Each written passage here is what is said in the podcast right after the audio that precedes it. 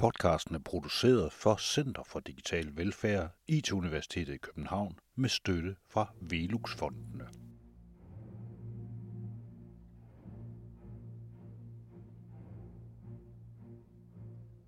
Velfærdssamfundet opstod i 1950'erne, og ingen vidste, hvad det var.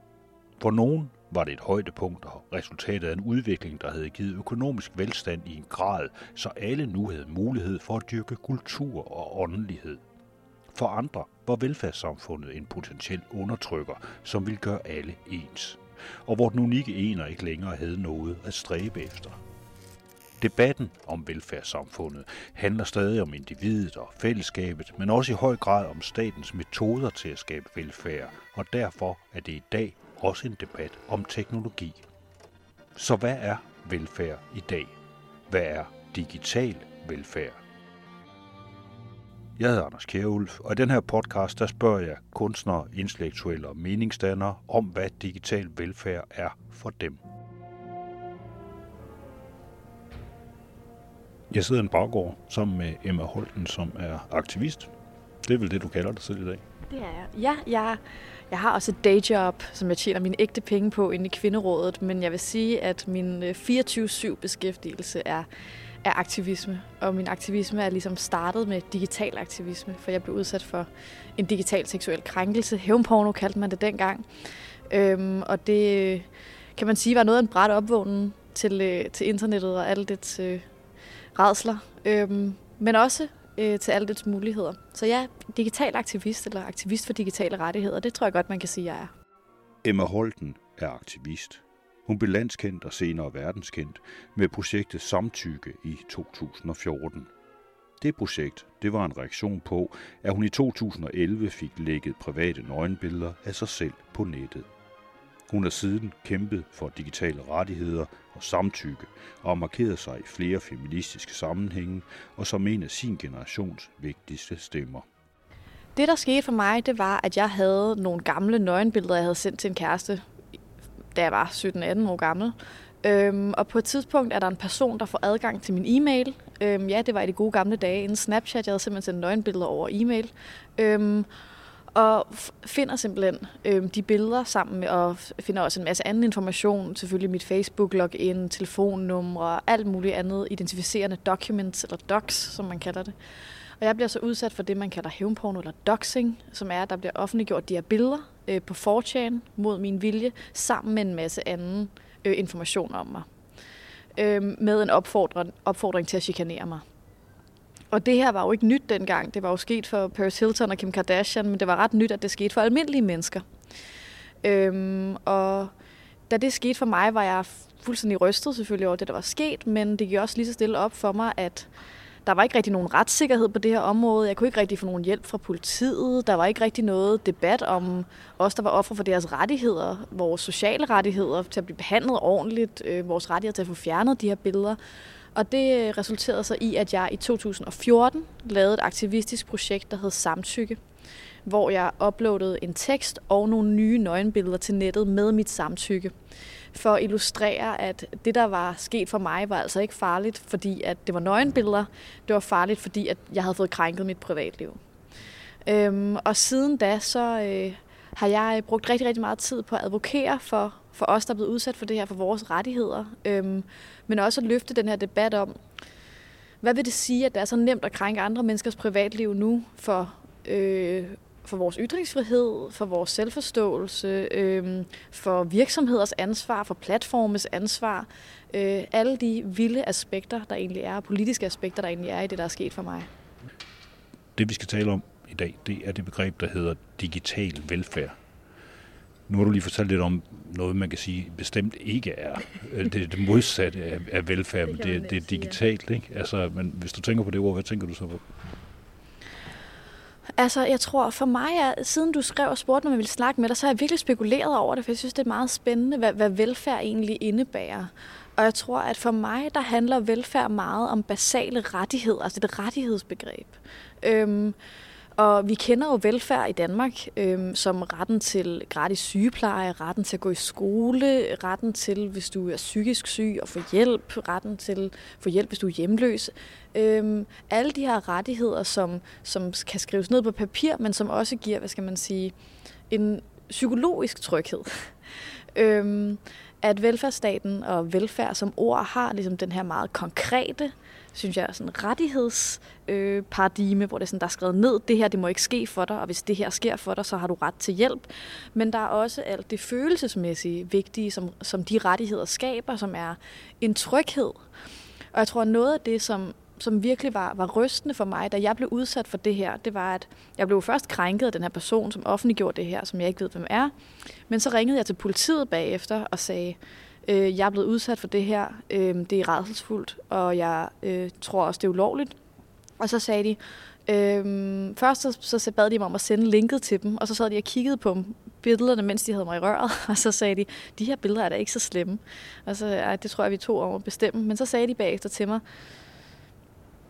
der er helt klart sket noget lovligt her, men hvis jeg var dig, ville jeg ikke spille tiden på at anmelde det, fordi vi kommer ikke til at gøre noget.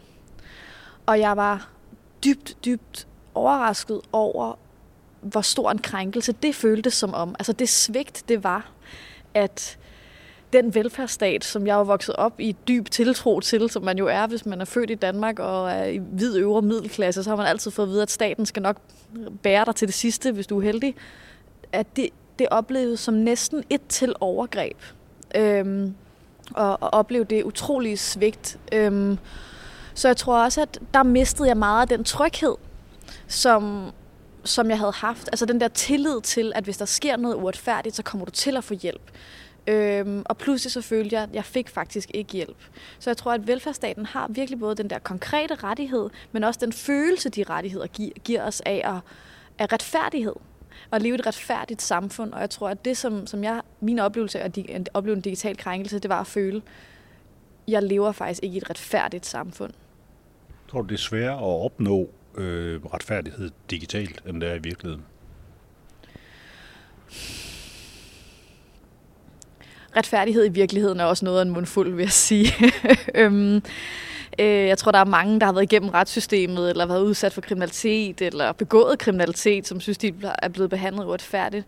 Men jeg tror i hvert fald, at man uden at overdrive kan sige, at retfærdighed på internettet øh, præsenterer nogle fuldstændig ekstreme udfordringer i og med, at retfærdighed handler enormt meget om, hvad for nogle regler, som styrer vores kontakt med andre mennesker. Og i og med, at din mængden af kontakt med andre mennesker på internettet er så ekstremt accelereret.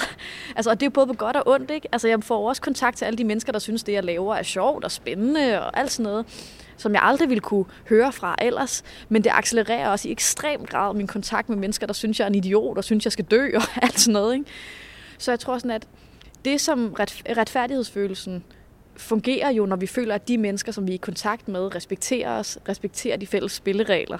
Og jo flere mennesker, der vi er i kontakt med, jo større chance er der for, at en af dem ikke kommer til at respektere de spilleregler. Ikke? Øhm, så jeg tror, at ja, det er nok rigtigt, at på nettet, fordi at din kontaktflade er så ufattelig stor, så er der så mange flere interaktioner, der skal reguleres og styres og kommenteres og dømmes, eller hvad det nu er, øhm, at det bliver øhm, ekstremt omfangsrigt at skabe den tryghed eller den følelse af retfærdighed på internettet. Øhm, også fordi der er altså hele den måde, vores samfund er bygget op på, bare sådan noget helt basalt som nationalstater, hvor vi, at vi i Danmark siger, at hvis du bor i Danmark, så må du det her, det og det her. Altså, der kan sidde en anden person og sende mig en dødstrussel i Portugal, og de er pisse ligeglade. Altså. Så jeg tror, at i hvert fald, at internettet, hvad skal man sige, vender nogle af vores traditionelle institutioner fuldstændig på hovedet, sætter dem helt ud af spil. Øhm, og det præsenterer nogle... Øhm, der er nogle alternative... Der er, eller hvad skal man sige? Der opstår et vakuum af magt hvor at når nationalstaten ikke har magt længere, og din skolelærer ikke har magt længere, og dine forældre ikke har magt længere, og alle de traditionelle autoriteter, vi er vant til at kende, ikke længere kan bestemme, hvem der er dum, eller hvem der skal smides ud, eller hvem der skal dømmes, hvem overtager så den magt? Og jeg tror, at det er noget af det, som jeg har brugt rigtig meget tid på at spekulere på, det er, at hvis ikke længere det er statens ansvar, at jeg skal føle mig tryg, er det så pludselig Mark Zuckerbergs ansvar at få mig til at føle mig tryg, og hvem skal overtage den magt? Øhm, det synes jeg er, øh, er... Ja, og hvem skal definere tryghed, måske også?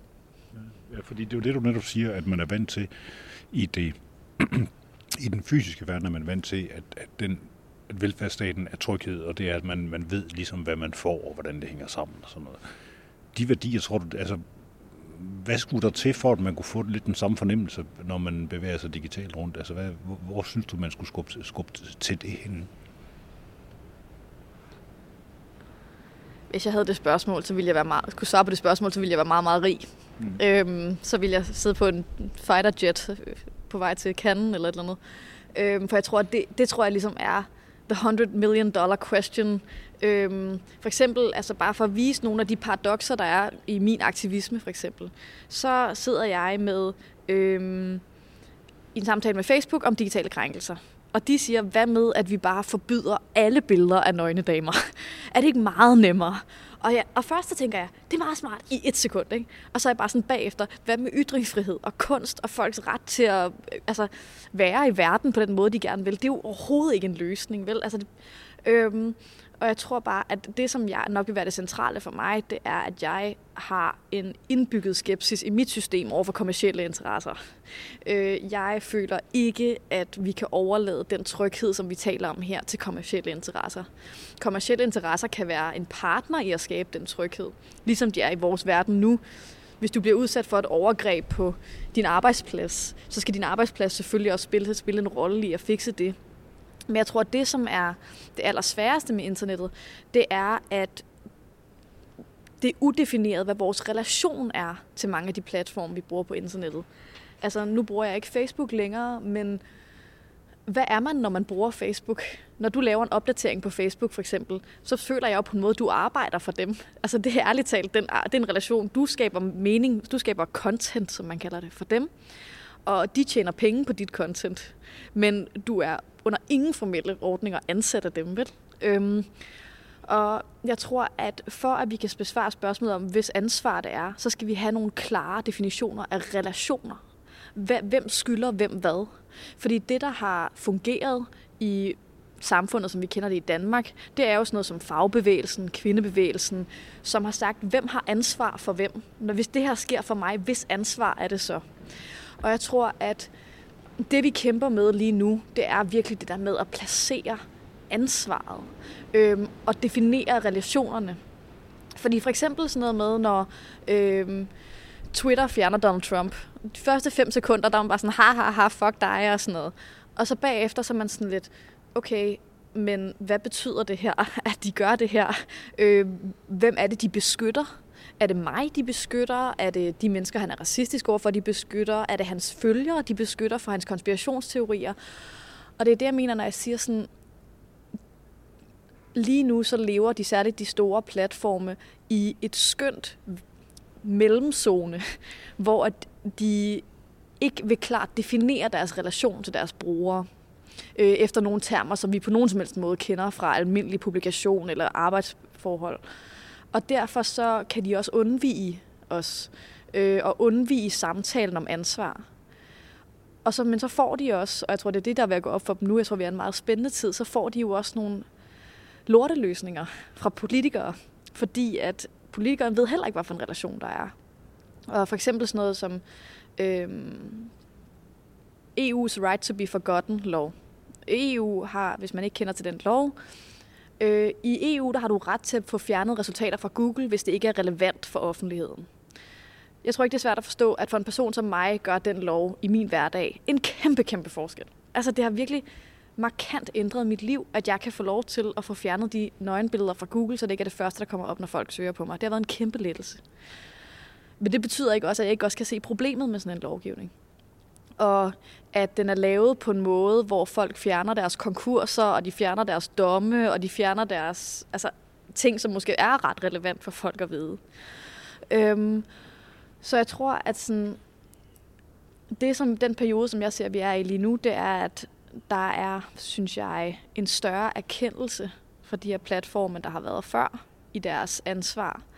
Øhm, men jeg må sige, jeg ser ikke en hjemmeside eller site som Facebook eksisterer i den forstand, det gør nu om 10 år. Jeg tror, konflikten er for stor. Det tror du er ret i. det, altså, det kan, der, der er for mange ting, det ikke kan forenes med. Øhm, for mange krænkelser. For, altså, og om ikke de bliver straffet af politikerne, hvilket de sagtens skal gøre, så tror jeg også, de vil blive straffet af brugerne. Øhm, det synes jeg, man ser. Altså nu jeg, jeg fylder snart 30. I, min gen, I den generation, jeg er en del af, er der ikke særlig mange, der bruger Facebook aktivt. Er de helt unge, er der næsten ikke nogen. Øhm, at jeg tror, at man vil... Der har været en ekstrem teknologioptimisme de sidste, øh, i hvert fald 15-20 år. Øhm, og det var noget, jeg virkelig lagde mærke til, da jeg begyndte at være kritisk over for de her platforme i forbindelse med digitale krænkelser. At folk blev næsten rasende, når man turde sige, at Facebook ikke var en skøn ting for demokratiet, og det ikke var helt fantastisk og sådan noget. Det, var, det ramte virkelig noget dybt i folk. Men efter Trump og øhm, Cambridge Analytica og alle de her store skandaler, så er kritik af Facebook, det er jo næsten mainstream nu. Hvis du, hvis du ikke er kritisk over for Facebook, så synes folk, du er en dybt uoplyst borger. Ikke? Øhm, og jeg tror, at vi vil se en følelse af, at de her platforme måske ikke længere vil føles moderne, men faktisk vil føles som noget lidt gammeldags, som ikke særlig lang tid.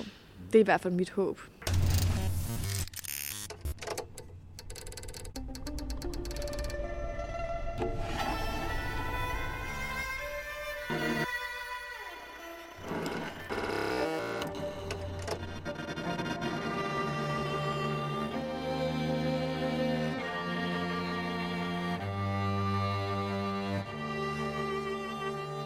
Den måde, som vores stat i øjeblikket er på, skal man sige, i det digitale og forsøger at videreføre velfærdsstat, det består jo så i øjeblikket af sådan noget som nem idé, og du kan logge ind og ud, og du kan søge på nogle ting, og du kan få sendt ting ud med e-boks og sådan nogle ting. Hvordan, hvordan ser du det? Er det noget, du bruger, synes du, det fungerer godt? Jeg er, fordi at jeg har været udsat for den form for kriminalitet, som jeg har, øh, så er jeg det, man kan kalde en evigt sårbar person på internettet. Jeg Øhm, der er ofte, tit og ofte forsøg på at hacke mig på forskellige måder. Øh, folk forsøger at gætte mine koder, folk forsøger at komme ind på forskellige platforme, folk forsøger at finde min adresse. Så jeg er ligesom under, hvad skal man sige, en mere eller mindre konstant assault, som gør, at jeg skal være ekstremt påpasselig med samkøring af data forskellige steder. Jeg kan ikke have noget liggende over alt. Alt er nødt til at være spredt ud over det hele. Så jeg har for eksempel valgt at ikke have nem ID-appen. Øhm, jeg har det der lille kort og papir, man åbner for at, at skrive mit nem ID ind. Øhm, simpelthen for, at hvis en person får adgang til min telefon, så skal de ikke også kunne få adgang til mit nem ID. Øhm, og jeg tror ofte, øhm, at der ikke bliver taget særlig meget højde for øh, folk, der afviger fra normen, når der bliver lavet de der løsninger. Øhm, at tit så er det ligesom, at hvis noget virker elegant og nemt, så er det det højeste selling point. Ikke? Øhm, og, men der er jo masser af mennesker, der har det som mig. Ikke? Folk, der har været i voldelige parforhold, folk, som har kottet kontakten med deres familie, folk, der har været udsat for social kontrol. Der er alle mulige mennesker, for hvem privatliv er ekstremt vigtigt. Folk, der er sprunget ud øh, som homoseksuelle på deres, over for deres arbejdsplads, men ikke deres familie. Der er alle mulige mennesker, hvis liv afviger fra normen. Folk, som er politisk aktive på en eller anden særlig måde. Og jeg kan tydeligt mærke, at så snart du har et behov, som afviger fra normen i bare den mindste grad, så begynder nogle af de her øh, services at blive noget af en udfordring for dig.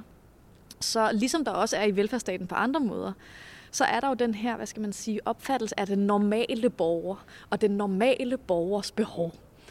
Og hvis du er en person, som kommer på kant med den normale borger, eller ikke er den normale borger, så øh, bliver du sgu tit ladt i stikken. Altså, og det gælder jo også øh, ældre borgere, eller borgere med handicap for eksempel, øh, som, som også tit brænder sig på de her smarte teknologiske løsninger.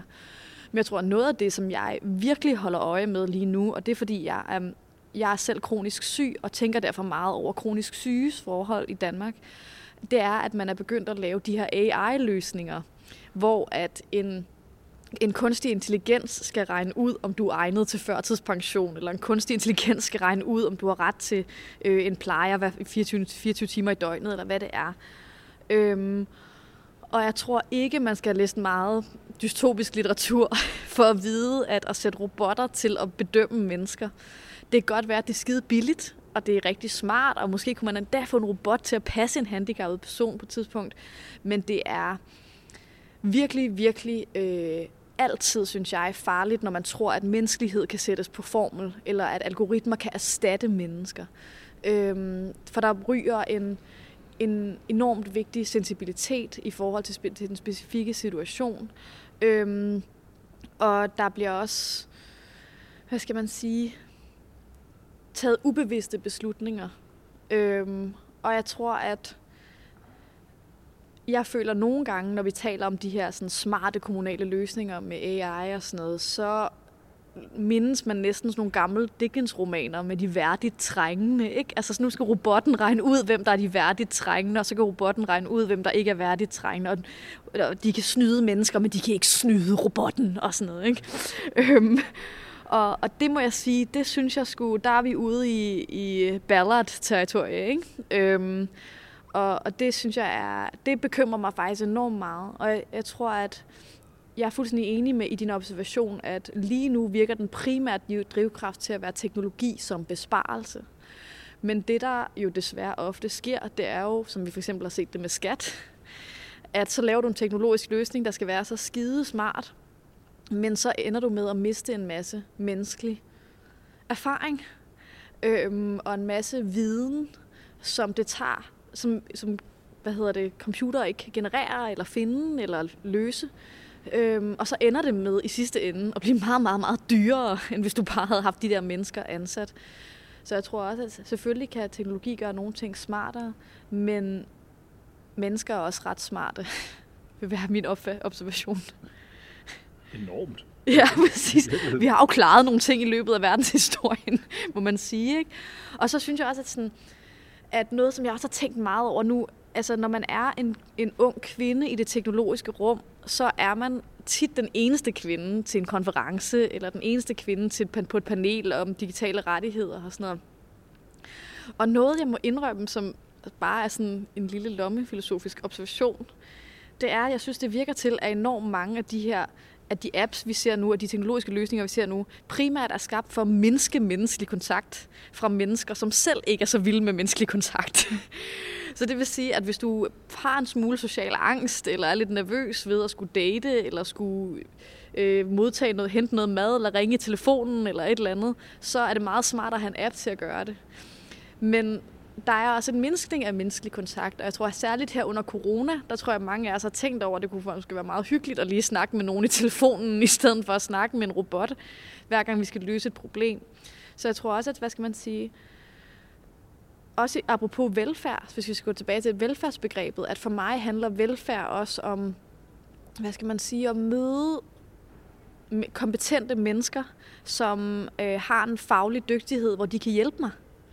Øhm, og, jeg vær, og jeg værdsætter den kontakt. Jeg kan huske sidste gang, jeg var indlagt øhm, på Bispebjerg med min sygdom, der hvor var det dog skønt, at der var søde sygeplejersker, som jeg kunne tale med, og jeg kunne joke lidt med dem om aftenen, og sådan, man ligger derinde, at man er pisse dårlig humør, og man er ked af det og sådan noget. At den menneskelige kontakt, synes jeg, er ekstremt vigtig for velfærdsbegrebet. Og den er noget, som, som internettet jo virkelig struggler med. Altså den nærhed, den umiddelbarhed, der kan være i den menneskelige kontakt, og det, det giver andre mennesker, øh, synes jeg, internettet øh, ikke kan erstatte. Og det siger jeg som en person, der var på IRC fra jeg var 11 år gammel og havde en live journal, da jeg var 13, og altså har virkelig haft dybe venskaber på nettet. Men den menneskelige kontakt er, er ekstremt central for menneskelig velvære, og det tror jeg, det føler jeg mere nu end nogensinde. Altså.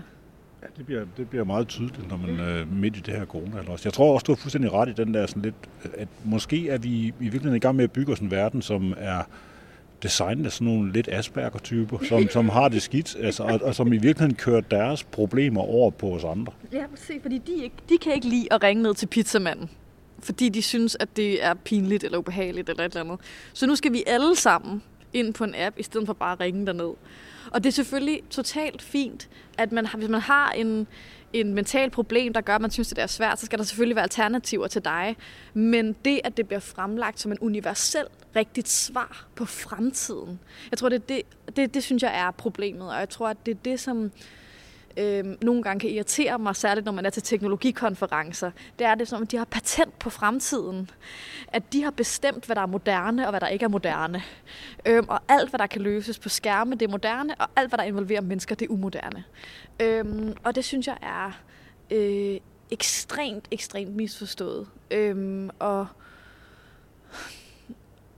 og det fremkalder nogle løsninger, som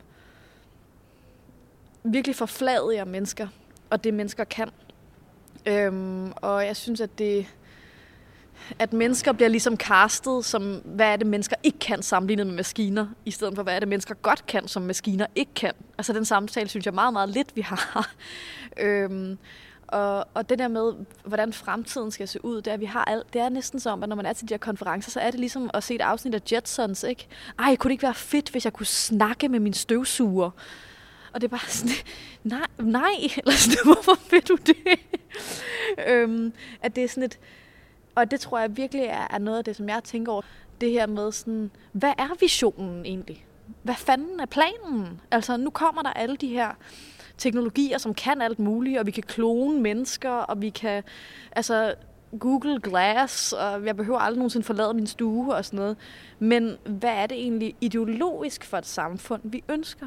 Altså, hvordan er det, og i 2050, hvordan ønsker vi, at samfundet skal se ud? Øhm, det er noget, jeg, jeg virkelig, virkelig sådan savner. Altså, og jeg føler både, at højre- og venstrefløjen er i en form for krise, altså i mødet med det digitale. Jeg synes ikke, der er nogen af dem, der kommer med, øh, der er lykkedes med at applicere deres ideologi øh, på en måde, som som ikke virker sådan stiv og gammeldags. Altså, det er ikke noget af det, der resonerer med mig rigtigt, øhm, desværre.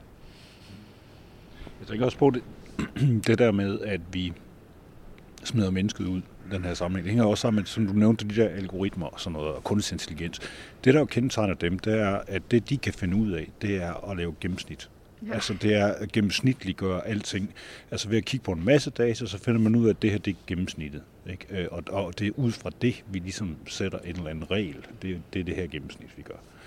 Og det, det strider vel egentlig meget imod, hvordan de fleste af os har det. Altså vi, vi er jo netop, altså de fleste af os vil jo gerne behandles, som om vi er noget særligt i virkeligheden. Ikke? Altså, det, Ja, den gennemsnitlige person er jo defineret ved ikke at eksistere øhm, der, der er det her klassisk, jeg tror, det er, jeg tror, det er fra den franske oplysningstid, L'homme moyenne, den her perfekte franske mand, som sådan er præcis en eller anden højde og præcis en eller anden vægt. Øhm, og jeg tror altså, jeg tænker meget sådan ud fra et feministisk perspektiv. Der har feminismens projekt jo også altid været at sige, prøv at høre, mennesket, det universelt menneskelige, er vi per definition skeptiske overfor, ikke? Fordi man ligesom tænker, okay, så siger man, du er universelt menneske, et, et, et universelt menneske øh, kan, har to ben. Og så siger vi, at der er masser af mennesker, der ikke har to ben. Så siger vi, at det universelt menneske kan løse de her matematikopgaver. Jamen, hvad med dem, der ikke kan? Det universelle menneske kan ikke føde et barn. Men der, det er der en masse kvinder, der kan, osv. osv. At vi skal virkelig passe på med, at øh, teknologien ikke reintroducerer den her drøm om at bygge det her palads til det gennemsnitlige menneske. Øhm, det har den gjort. Ja, det har den ligesom gjort, ikke? Og det, det er for eksempel noget, som jeg øh, snakker meget om med andre digitale krænkelsesoffre. At jeg godt forstå, at hvis man bare har haft en great time på internettet, så er det meget svært at sætte sig ind i, hvorfor det er ekstremt traumatisk for mig at være på internettet nogle gange. Der er ting, som jeg simpelthen ikke psykisk kan holde til. Jeg lider af posttraumatisk stress. Altså, jeg kan ikke... Jeg får simpelthen angstanfald af, at lø, af for, eksempel, for eksempel sådan noget med, når jeg øh, bliver lukket ude af en eller anden platform, for der er gået et eller andet galt på min kode. Jeg begynder simpelthen at svede, mit hjerte begynder at hamre, jeg tænker, åh oh, nej, nu er der en eller anden, der har hacket sig ind. Altså for mig er det en ekstremt traumatisk oplevelse, ikke? og for nogen, jeg har snakket med, er det endnu, endnu værre. For dem bare at åbne en computer er et mareridt. Ikke? Øhm, og der bliver det jo fuldstændig umuligt at forestille sig en verden, hvor absolut alt, hvad du skal lave, det er på din computer. Ikke? Øhm, det mener jeg jo skulle være en ret. Altså, ja, det, det er en menneskelig ret at sige, at hvis jeg ikke har lyst til at være på det her, så kan jeg godt få lov til at eksistere i samfundet uden. Og det er det, som jeg tror, som, som jeg har tænkt rigtig meget over, det er for muligheden for at vælge ting fra. Ikke? For eksempel i vores opgang, jeg har en Facebook-profil, som jeg ikke bruger, min kæreste har ikke nogen Facebook. Og vi kommer så ned til arbejdsdag, og sådan et, shit, er der arbejdsdag i dag? Og de bare sådan, ja, det kan, har vi i vores Facebook-gruppe. Og så er vi ligesom nødt til at fortælle dem, jamen, vi bruger ikke Facebook. Øhm, og de kigger simpelthen på os, som vi er idioter, ikke? De har aldrig hørt noget lignende. Og øhm, der er vi jo simpelthen ude et sted, hvor at Facebook er blevet integral infrastruktur i velfærdsstaten, ikke? i organiseringen af vores samfund. Øhm, og det synes jeg er øh, dybt, dybt bekymrende. Øhm, og, men samtidig forstår jeg jo godt, hvorfor. Det er meget, meget praktisk. Alle har det næsten. Øhm, og der er spørgsmålet ligesom, er det så staternes ansvar at kreere alternative platforme, ikke? Øhm, og der er der jo ligesom de her love med, at ting bliver kun en succes, hvis der er en vis andel af befolkningen, som bruger noget. Øhm, så det er meget, meget svært at komme op på, den, på det brugsniveau, som Facebook er på lige nu.